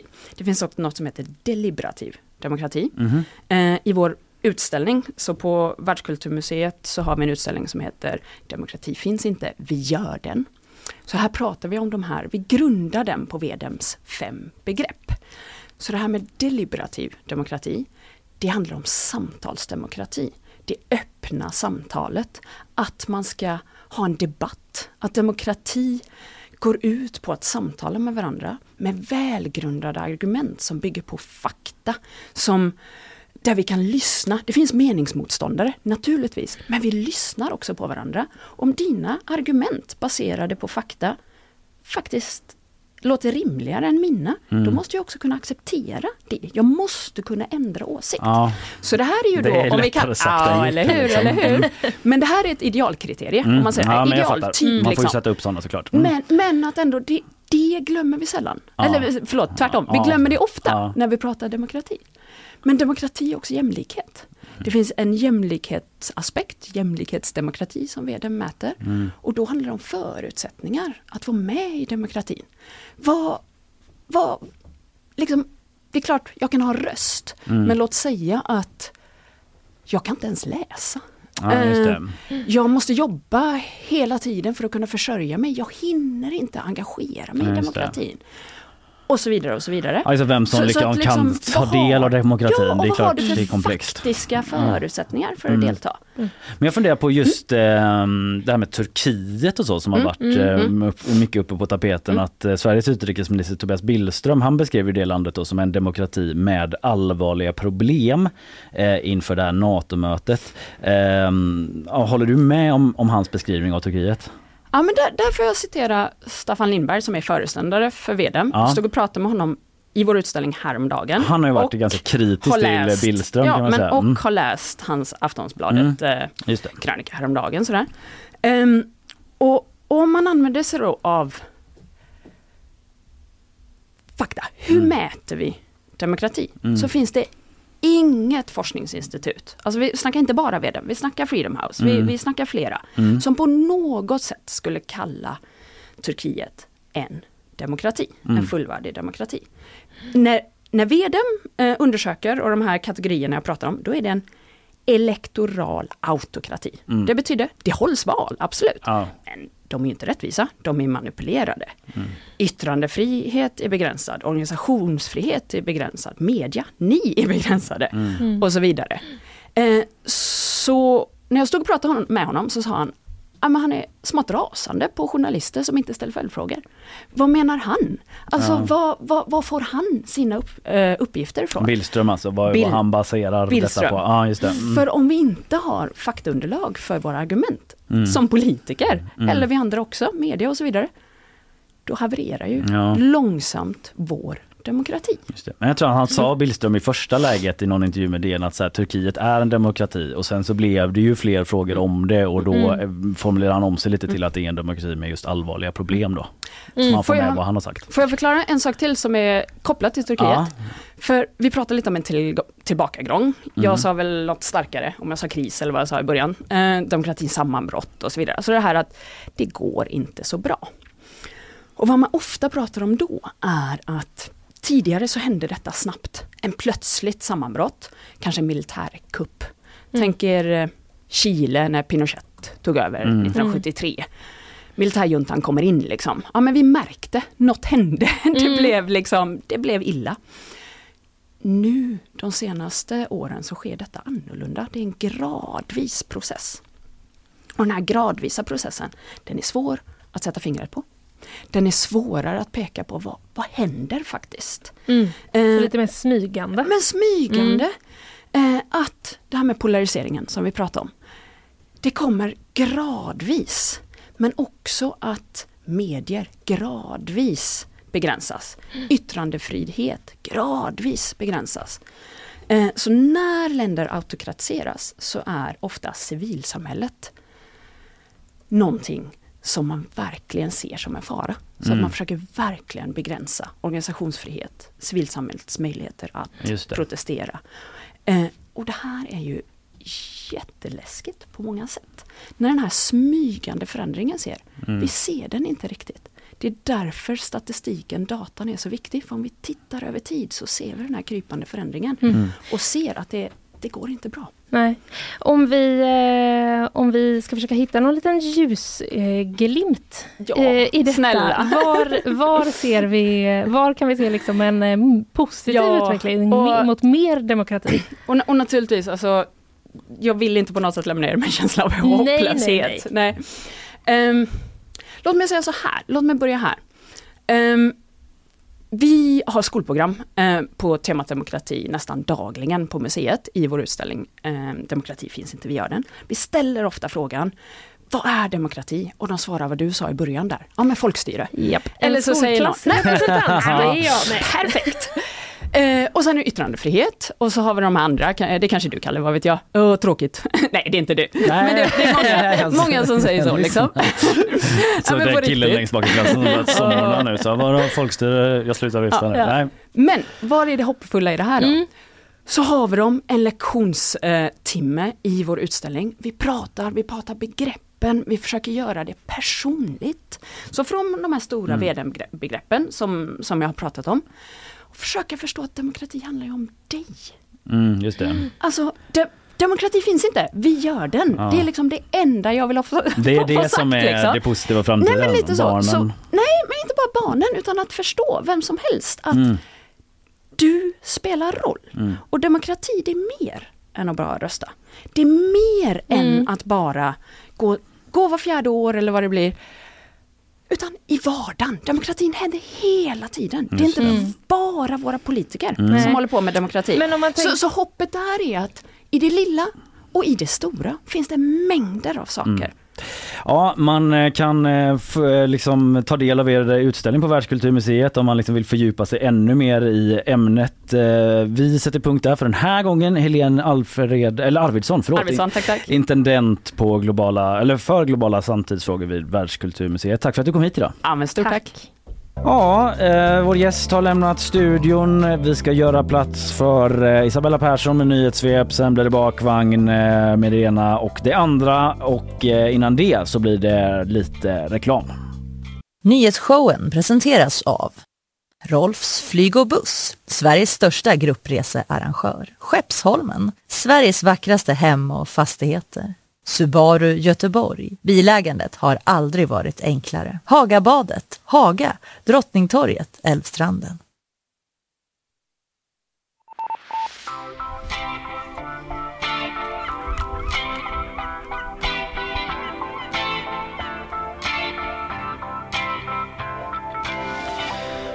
Ja, så är det. Eh, Isabella Persson, du är tillbaka. Du har Ja. googlat lite angående det vi pratade om eh, förut. Ja, vi pratar ju om varför, vi pratar ju om meta och eh, uppsägningar och varför det går tufft för techbolagen. Ja, det är liksom den Ja. känslan Mm. vi hade i rummet typ att Twitter går dåligt och nu var det Ja. meta och sådär. Ja men det är verkligen Klarna, det har rapporterats om Klarna, Amazon, Ja, det har varit Amazon mycket och väldigt kris, mycket techbolag som liksom. har gått eh, och det är, det är inte helt lätt att reda ut ska jag säga Mm. men det grundar sig primärt egentligen eh, har jag tagit reda på här nu i räntorna. Ah, Mm. För att de här bolagen är ju, eh, jobbar ju väldigt mycket med tillväxt Just det, de har inte så mycket Mm. eget kapital alltid. Nej, och utan det är resultat och så ja. handlar det ju om att då riskkapitalister går in i bolagen eh, och eh, när det blir högre räntor så är ju inte heller tillgången, alltså att låna blir inte lika billigt och det Nej. finns inte heller tillgång i samma Mm. Så liksom det var kapitalet. ekonomin. Det är så härligt att man kan så ställa en fråga bara rakt ur sitt huvud och så Isabella kollar upp Ja, det och levererar så- svar. Ja, Underbart. Kvicker och där. Mm. ja, Men du har också med dig eh, fler nyheter ja vi i tar dem. korthet. Eh, kort, håt, korthet. Ja, vi tar dem. En man i 40-årsåldern misstänks för mordbrand efter att det börjat brinna i en lägenhet på Odensgatan här i centrala Göteborg. Enligt de första uppgifterna ska branden startat i en klädhög och mannen fick föras till sjukhus med lindriga skador. Han misstänks också för narkotikabrott eget bruk.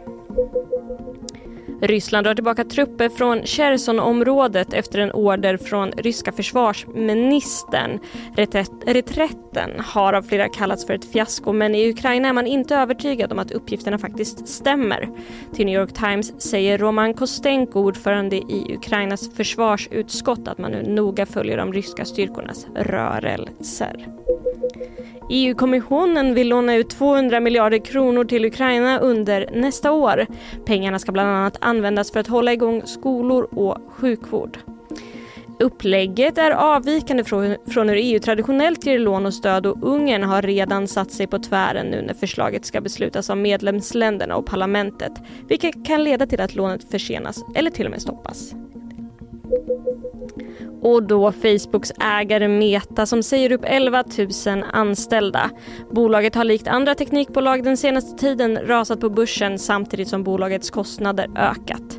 Med uppsägningarna minskar man personalstyrkan med 13 procent. Ja, tack för det Isabella. Eh, Du fortsätter att jobba på här under dagen. Eh, Något annat som du följer särskilt? Och nu har jag varit så fokuserad på Ja, nu har du techbolagen. på. Men det är, Mm, ja. ja, det är techbolag men eh, vi följer ju den här... eh, Rättegången fortsätter under dagen. Exakt. Utvecklingen i Cherson, vad som händer där. Ja. Det kommer säkert mer om mellanårsvalet också. Ja, det får man väl, eh, de räknar väl för fullt där i Ja, Arizona och Nevada. Tack Isabella, vi går Tack. vidare.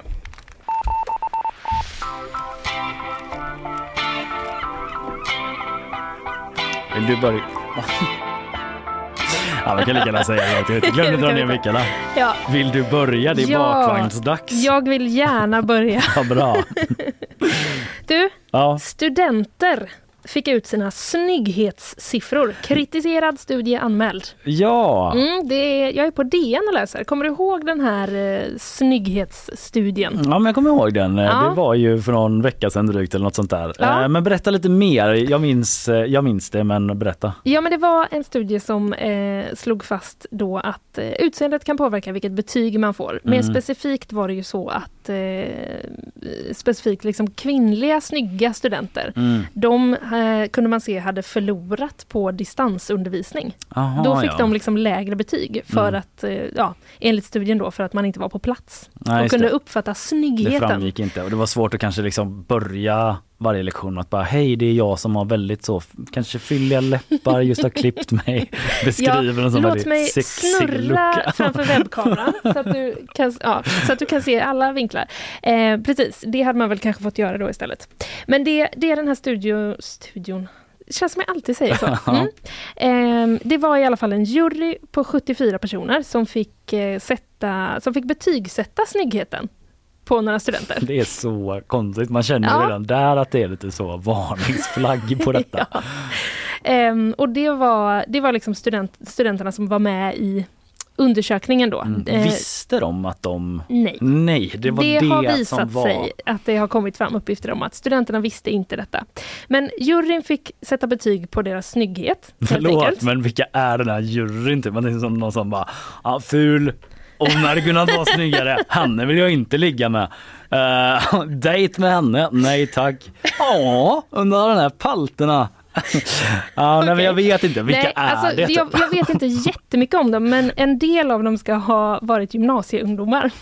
ja men nej, typ så killar som är 17 typ henne skulle jag ligga med, inte henne, eh, henne absolut, henne om jag var full. Uppenbarligen det folk från- vid, vidrig stämning i juryn. typ. Henne om jag var full. Som att det skulle vara ett svarsalternativ. Jag, alltså, Man tänker så här, killar i tonåren, det är jävla svin typ. Man skulle kunna säga så. ja, det är uppenbarligen någon från Skara också. Ja, förlåt Skara Ja. att jag tog den Mm, dialekten ja. men eh, det blev så. Ja. Det var någon som torsk på Tallinn eh, eh, det röst det? som jag liksom frammanade. Ja, Ja, det där mm. med palterna och det. Ja. Okej, men vi är alltså på juryn bestående av 74 personer, bland annat gymnasieungdomar, eh, som fick sätta betyg. Och studien har ju då fått eh, kritik som sagt för att det verkar inte som att studenterna som blev betygsatta visste att de var med. Två anmälningar har kommit in om misstänkt avvikelse från god forskningssed till Lunds universitet. Och det allra senaste här nu då, det är ju att studenterna har kunnat begära ut sina egna snygghetspoäng. Fy fan. Ja, studenten Fredrik eh, Elsnitz, han är en av dem som har fått sin snygghet bedömd. det är så Och sjukt. han har då pratat med DN. Han Ja. säger så här, jag vet exakt vilken snygghetsstudien påstår att jag har eftersom att jag fått en kod till min rad i en anonymiserad datafil. Ja. Eh, dessvärre är den väldigt lätt att avanonymisera ja, med exempelvis ålder och hemkommun och sådär. Och vi kan därför se vad flera av våra klasskompisar har hamnat på skalan. Ja, Så det är inte kanske bara då att man kan se sin egen utan man kan lista ut ja. vad ens klasskompisar har fått. Det låter som en sån fruktansvärd eh, hemsida. Nollning som någon, typ, Ja, nollning typ. Ja. Ja. att det är sånt avslöjande. Typ så här, GP kan avslöja att det har pågått en fruktansvärd nollning med, liksom, som bryter mot GDPR. Ja. Bara, men det var också forskning på Lunds universitet. Typ. Ja men precis Ja. och eh, där ehm, Eh, det, det som bilderna som de har bedömts på, det är bilder från sociala medier, ska också Mhm. säga, som är tagna därifrån. Det är inte Så- skärmdumpar från typ en sån videolektion utan det är Eh, så här nej, profile nej, precis. Det är inte så när man råkar öppna kameran på framsidan. man bara blä, och de bara eh, skärmdumpa den där direkt. Ja, Typ. den- Ja. Nej, de, de ska vara från sociala medier. Det finns också en bild på eh, Fredrik Elsnitz i artikeln, Mm. men jag kommer inte recensera hans snygghet. Nej, gör inte det. Så jag låter bli. Eh, men det är helt enkelt det senaste och jag ska, vi ska säga också att doktoranden eh, som står bakom den här studien, Adrian Mehic, Mm. han säger så här, det grundar sig i en missuppfattning om när vi som statlig myndighet måste använda samtycke.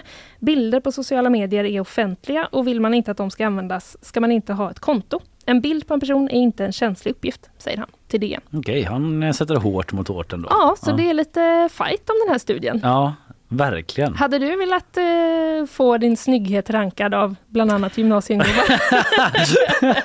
Nej, jag hade inte liksom eh, frivilligt typ anmält mig till dig. Bara, det här låter som en kul grej. Nej. Typ. Hur tycker ni jag ser ut?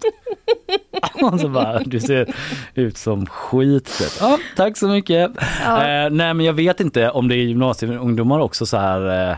Eh, någonstans känner jag mig lite förbi typ de snygghetsidealen. Mm. Du vet, eller jag vet inte exakt vad de är. Det kanske är bara traditionellt Men eh, det, snygghet. det liksom går väl trender i det med? Precis som i den vuxna snygghetsidealen? Ja, Eller? är det inne att vara sån eh, liksom pappa som inte sovit mer än fyra det- timmar på tre år och åldrats fem år på ett år? Det tror jag inte att Då det kan är. jag vara med. Eh, men eh. Dadbod. Jag har ju en sån här sexy dadbod. Alla bara "Ugh."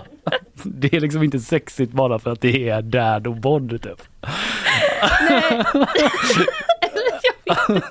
jag, vet inte. eh, faktiskt vad som gäller bland gymnasieungdomar. Hör av er är ju- gymnasieungdomar. Am I good Ja. looking?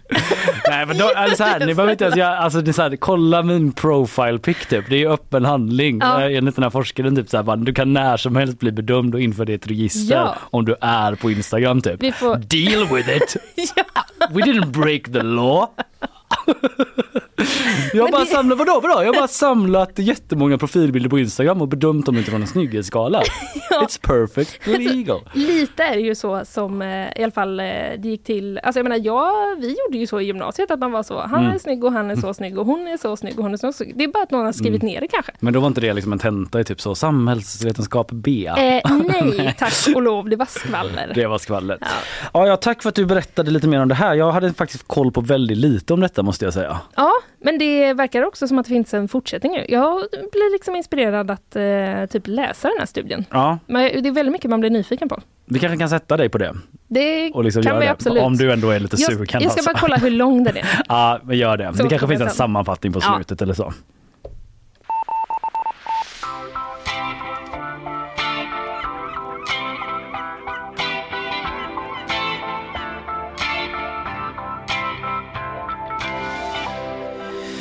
Du, jag ska faktiskt återvända till Ukraina fast eh, en lite lättsammare nyhet i allt det tragiska som pågår där. Men det är nämligen så att Sean Penn har varit i Ukraina. Skådespelaren alltså. Den, han känner väl de flesta till. Jag behöver inte kontextualisera precis alla människor som vi pratar om. Nej, det är en eh, amerikansk va? Ja, är en amerikansk skådespelare som är väldigt framgångsrik och Mm. säkert vunnit en Oscar. Det har han, eh, vet jag, för Ja. själva nyheten handlar om att han tar med sin Oscarsstatyett till Volodymyr Zelensky under ett besök där då. Eh, typ så, jag hörde att ni är i krig. Nej, jag ska inte roasta honom så mycket utan det är liksom mer en symbol då. Eh, Den amerikanska skådespelaren Sean Penn har gett en av sina Oscarsstatyetter till Ukrainas president.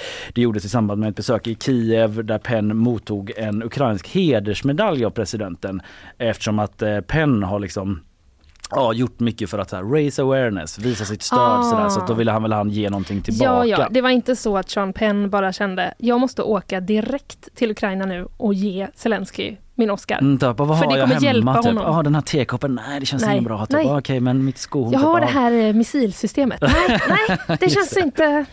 Vi kan lyssna på hur det lät eh, när eh, de sågs där. This is for you. No, Sean. Yes. No. Please. That is yours. No, I I feel terrible outside. I just it's just a symbolic, silly thing. Yes, but it's- I if but- I know but if I know this is here with you, then I'll then I'll feel better and stronger for the fight. So great, great honor. Ja, du får Sean Penn att känna sig bättre. Ja. Ja. Ja, visst. Ja, men lite bara, ja, han, han är ju också lite Ja. hela tiden så bara, ah, det, är lite, det är lite fånigt jag vet det, men ja, här är den i alla Ja, fall. Ja. verkligen. Att han lite ber om ursäkt för sin gåva. Ja, Lite grann i alla fall. men Zelenskyj ser- verkar glad. Det finns Ja. rörligt på det här också. Ja. Han ser glad ut. Eh, Men eh, det är också typ lite så här att Sean Penn använder den som ett knep för att de ska träffas igen. When you when you win, bring it back to Malibu. Great, Yes. great. Okay. Because I'll feel Okay. much better knowing there's a piece of me here. Oh, thank you so much. Thank you so much. Det, det är lite så. I would feel much better knowing there's a piece of me here. Zelensky bara, ja då måste vi hålla ordning på den här. Vem, eh, var ska vi, Ja, var ska vi förvara den Ja, nu? kanske inte här för det typ bombar så mycket här. Ja. Typ. Kanske, det kanske är bättre i USA. Eller I would uh, rather prefer a piece of your military here Eh, yes. with me. Nej men han verkar glad. Eh, men det är också lite sån klassiker typ. jag vet inte om det är något gammalt vänneravsnitt eller något sånt här, någon som ser det. Nej Seinfeld är det. Där de du vet, så här, låtsas glömma sin plånbok Mhm. så att man kan ringa så bara, ah, vi kanske och få typ en andra dejt när man ska lämna tillbaka plånboken. Aha. Att han kör lite den grejen. Typ, Ja, så så bara, kan det vara. Alltså när kriget är slut kan du bara Ja. komma hem till mig typ och jag vet inte, vi kan typ chilla lite, Ja, just det. kolla film, du lämnar tillbaka statyetten, skitsamma liksom men du kan lämna tillbaka den. Ja, mm. Det är lite den viben. Eh, men i alla fall eh, som jag sa i början, det känns som att han tycker typ det är lite så, lite också typ lite pinigt med hela situationen. Eh, vi lyssnar. Thank you for accepting it because I know it's a little, it's a lot, little bit of an awkward thing, but honestly, I. In my peace life, it was a dream. Ja, men jag tycker faktiskt att det hedrar Sean Penn på ett sätt för det är ju lite awkward. Ja, alltså det är, väl, det är väl befriande att han säger det. Mm. Eh, Annars hade, det ju, annars hade man kanske uppfattat honom mer som så här, jaha, där kommer han och ska ge sin Oscarsstatyett och det, hur fan ska det hjälpa? Typ. Ja, nu men är det ändå exakt. som att han själv liksom fattar hur det... Precis, to be Hur det fair, han liksom blir. tar i den situationen Ja. och bara ja jag vet det är typ lite fånigt så här, Ja. vad ska du göra med den här? Men det är en symbol, Ja. liksom, vi uppmärksammar det som sker. Så eh, jag kan ändå köpa att eh, han säger så. Ja, Ja, vi får se om de träffas i Malibu efter kriget. Det är ju fantastiska författare allihopa och eh, två av tre böcker har jag ju själv läst och haft väldigt stor, eh, eh, tyckt har varit väldigt, väldigt eh, bra. Den tredje är en film, måste jag bara säga. Ja. För sakens skull. Då. Oj oj oj, du valde stolen, du valde att sätta dig. Ja, men jag är inte alls orolig heller. Jag har suttit på Nej. så många stolar så jag är liksom inte rädd för att göra den eh, ramla-grejen. Okej, inte ens för att ha det- sett den live framför mig. Du anklagar mig för att vara någon slags amatör. Nej, det men jag säger bara att jag är några år äldre än dig och jag har suttit på stolar Okej. längre. Så att det Okej. är liksom, det är ingen skugga ska falla över dig. Jag har mer träning att sitta på stol. Vi kan prata om det här mer efteråt. Mm, kan vi. Mm, vi tar det sen. Ja. Du, please stop licking psychedelic toads.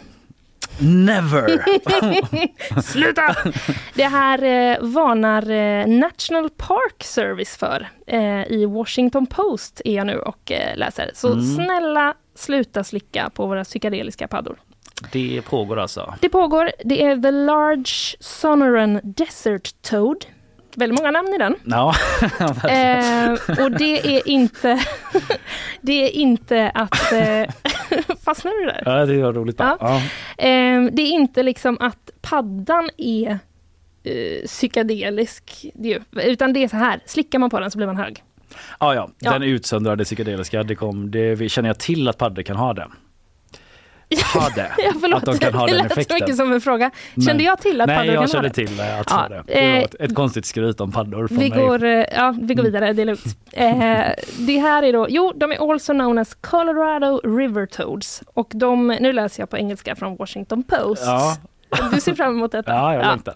Eh, de här paddorna då, de eh, have prominent parotoid glands that secrete a potent toxin the park service advised. It can make you sick if you handle the frog or get the poison in your mouth. Mm.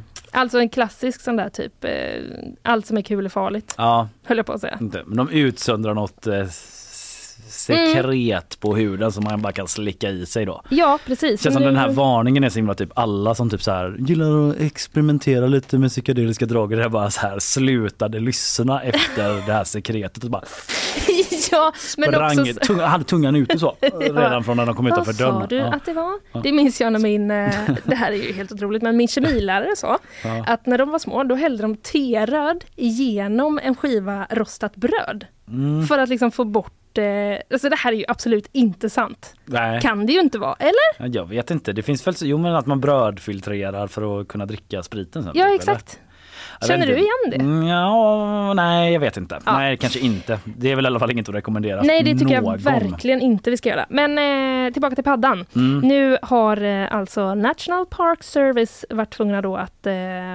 ja, uppmana besökare. Det är ett att, så eh, pass stort problem. Ja, det verkar liksom som att, eh, ja men precis, det verkar som att folk kommer dit och bara Mm, och trippa Stanna! liksom. Ja. Stanna paddan! typ. Det är inte så bara man ska pussa den för att det ska bli en prins utan det är så. Man kanske gör både och. Ja, man kanske gör både och. Man slickar kanske- den och typ ser hundra prinsar. Liksom. Ja, precis. För- man Exakt. LSD-trippar ut. Ja, det Det verkar är det så. som brukar hända när man tar droger va? Man ser massa prinsar. I know about the drugs. Okej. Jag är så dålig på knark, jag vet liksom ingenting om det. Men Ja. eh, man hallucinerar av eh, LSD, det vet jag. Ja, Ja. jättebra vetat. Ja, okej. Men det är, ja, det är lite oklart hur många, hur många som eh, liksom går in och vandrar i den här parken för att hitta de här paddorna. Då. Men eh, det är i alla fall en practice som är well known.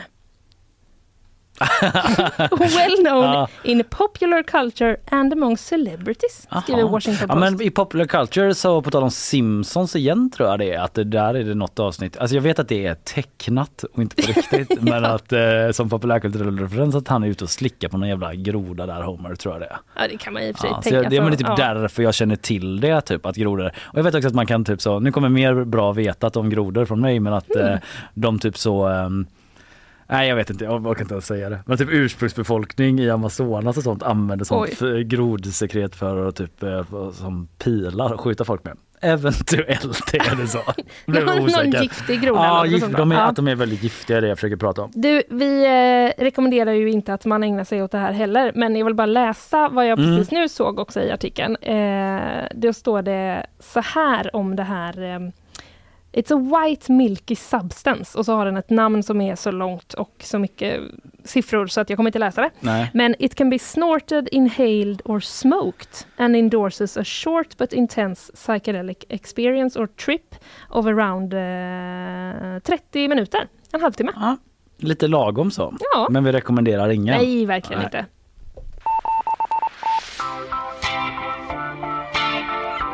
Och så körde man då från Monaco till Saint-Tropez och var på Sardinien och fram tillbaka. Så det var eh, strålande trevligt. Ja. Lite om varg. Du känner till, eh, du minns att eh, det avlivades vargar på Nordens ark ju, Mm. här i Mm. trakterna för inte så länge sedan. Det var ju en far och son då som man avlivade Mm. för att eh, ja, det, pappan mådde inte så bra och då kunde inte sonen vara själv och han var en ensam varg och han hade inte klarat sig ute i eh, naturen på egen hand. Plus att de var lite så här, ja men om regeringen ändå vill minska vargbeståndet typ, då kanske det inte är så himla nödvändigt för oss att ha ett sånt bevarandeprogram här Mm. på Nordens ark, Mm. I guess. Eh, lite så, parafraserar. Men nu har alla fem vargar i Borås djurpark avlivats. Enligt djurparken då, eh, det är GP som rapporterar, eh, vi här så var det djurens hälsa då som låg till grund för beslutet. Eh, Vad är det, nu är det samma grej som när jag frågade varför alla techbolag går dåligt, men liksom eh, det är ju väldigt varg... Varför sker det här just nu? Det, det känns ju konstigt att alla vargar börjar ha...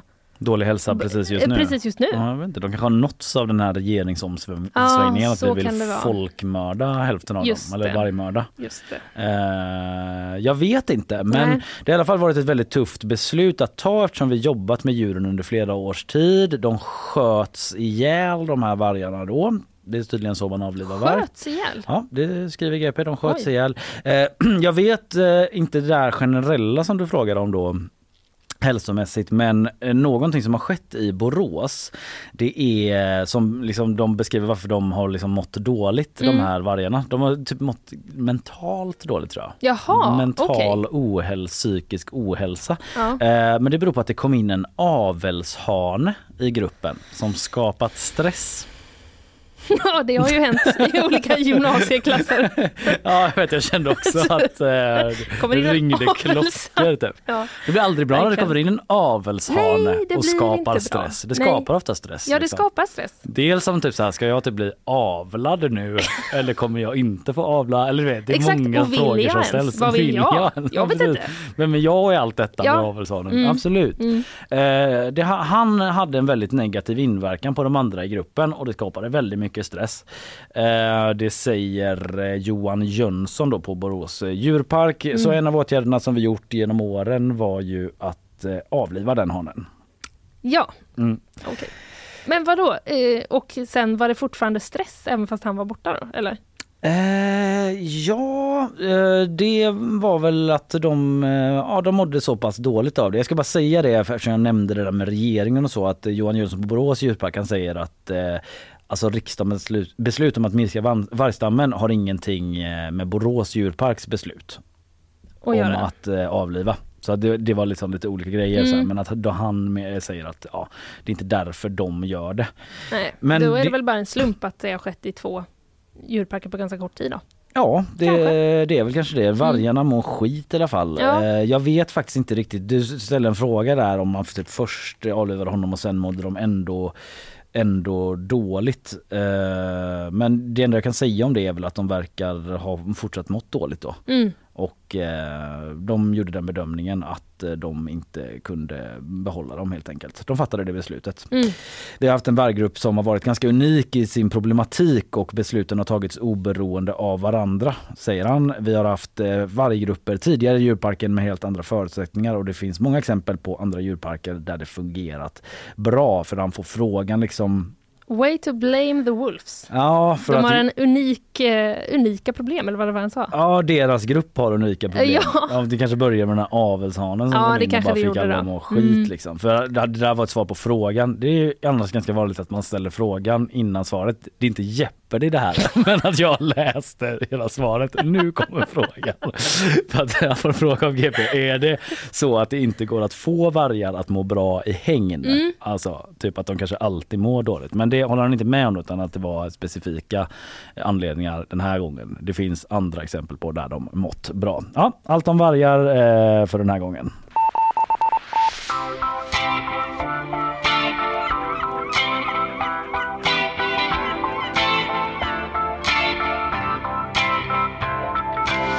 Om någon säger ställ dig upp till mig så blir jag arg. Ja, vi går från padda till varg till räv. Ja, Mm. det blir så idag. Så blir det djur, eh, djurspecial eh, helt enkelt. Det är eh, SVT Småland som jag har surfat in på. Mm. Det är inte varje dag jag gör.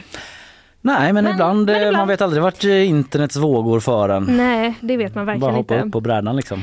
Eh, du, jag vill berätta om Josefin Foxman. Jaha, Ops, no joke, tror jag. hon heter så. Hon heter så, Mm. som jag förstår det. Eh, hon bor i eh, Åseda och hon har sen, eh, sen sex månader tillbaka fått besök av en räv.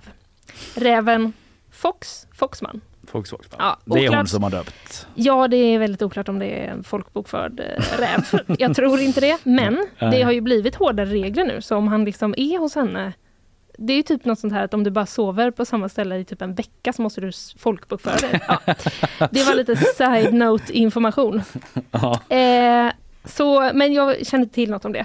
Räven, eh, den kommer och hänger med henne i stallet Ja. ihop med hästarna Jaha, och är väldigt närgången. okej. Eh, SVT har eh, eh, satt rubriken Räven Fox har blivit viral, har setts över hela världen.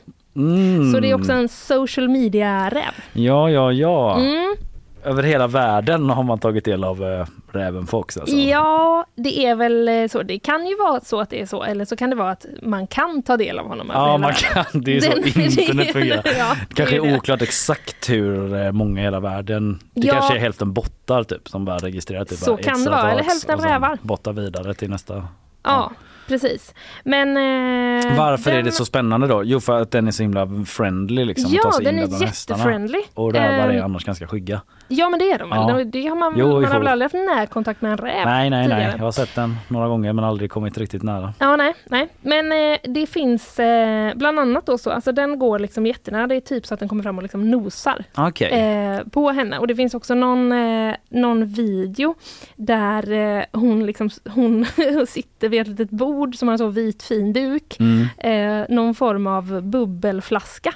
Eh, och så liksom kommer räven och hoppar upp i andra stolen. Jaha, Så okej. det är också någon slags, ja, Mm. Alltså jag, jag vet inte. om jag ska vara helt ärlig så blir jag väldigt, jag har väldigt svårt att eh, liksom beröras av djurhistorier. Men jag det är jag. Jag har väldigt liksom dålig emotionell kontakt typ när det gäller djurhistorier. Jag Men- tycker, jag tycker ja. liksom inte det är så här. Jag, jag sa så här, ja när du berättar den över stolen men egentligen så känner jag nästan ingenting. Du känner, nej du ja, känner men ingenting. jag, jag, det är verkligen jag tror jag som eh, Mm. är lite ovanlig där i och med den här virala succén. Då. Men har du liksom, eh, har du mött eh, många djur? Har du haft en så? Eller är det liksom att när du möter djur på, i, i verkliga livet? Ja men till exempel hundar har jag liksom, jag, jag tycker inte illa om hundar men jag är ganska skeptisk och typ vill inte att de ska komma så nära.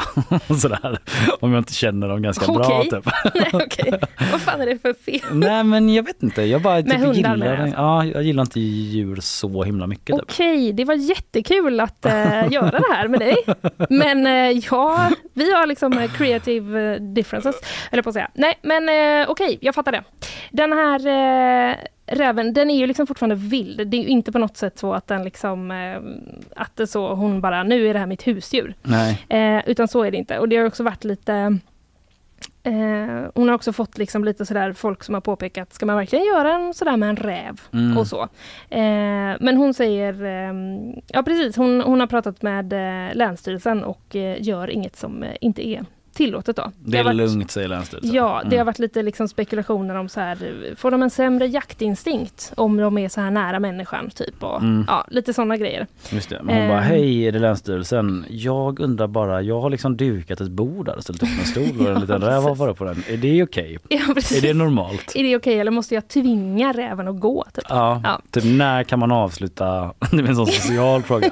Ska jag liksom, eh, ligger det på mig nu att besöka räven nästa gång eller kan jag bjuda in igen Exakt. till mig? Blir det konstigt? Vad är det för kutym i rävvärlden? Ja, typ, jag har aldrig Go. varit i ett sånt gryt eh, innan. typ. Hur ska jag göra där? Det är det de jobbar med på Länsstyrelsen. Ja, de- Ge tips till Ja. människor som ska Du, då ska jag skogen. koppla dig vidare till en rävsamordnare. eh, jag ska se om han är tillbaka från lunch. Eh, han är i ett gryt nu typ, så det passar jättebra om han är Perfekt. tillbaka från lunchen. Ja, perfekt. Vi får se. Okej, vi sätter det. Vi får se. Eh, du, eh, klockan tickar på, vi närmar oss halv nio. Ja, närmar oss lunch. Närmar oss lunch för vår del ja. Ner i grytet och dyka upp kanske vi ska. Producent idag Carl Jansson, research Emelie Hagbard, Isabella Persson, nyheter. Du heter Lena Rönnqvist, jag heter Kalle Berg. Vi har pratat om eh, reträtten i Cherson från eh, Rysslands sida. Eller Mm. är det en reträtt eller bara en krigslist? Mm. Försökte reda ut lite vad eh, man kan säga om det egentligen. Och vad var det du pratade om? Jag pratar om rättegången mot Theodor Engström där Annie Lööf var och vittnade igår. Ja, starka skildringar därifrån. Vi tog också en eh, ytterligare liten uppdatering om mellanårsvalet Mm. där. Där det visar sig att Beto O'Rourke lagt 175 miljoner dollar på att misslyckas i tre kampanjer på fyra år. Eh, Men det var kanske inte det allra viktigaste. Men en Roast. kul detalj. Ja, Roasted. Sen var det eh, liksom djurtema hela bakvagnen. Ja, det var det. Varg, groda och räv. Mm. Och lite annat också. Vi får se vad det fabel. blir imorgon. Ja, precis. Vi skulle ro över dem till andra sidan av en bäck. Så skulle vi försöka komma på vilken man skulle ro först. Vi lyckades aldrig. Vi plockar upp det igen imorgon. Hej då! Hej då!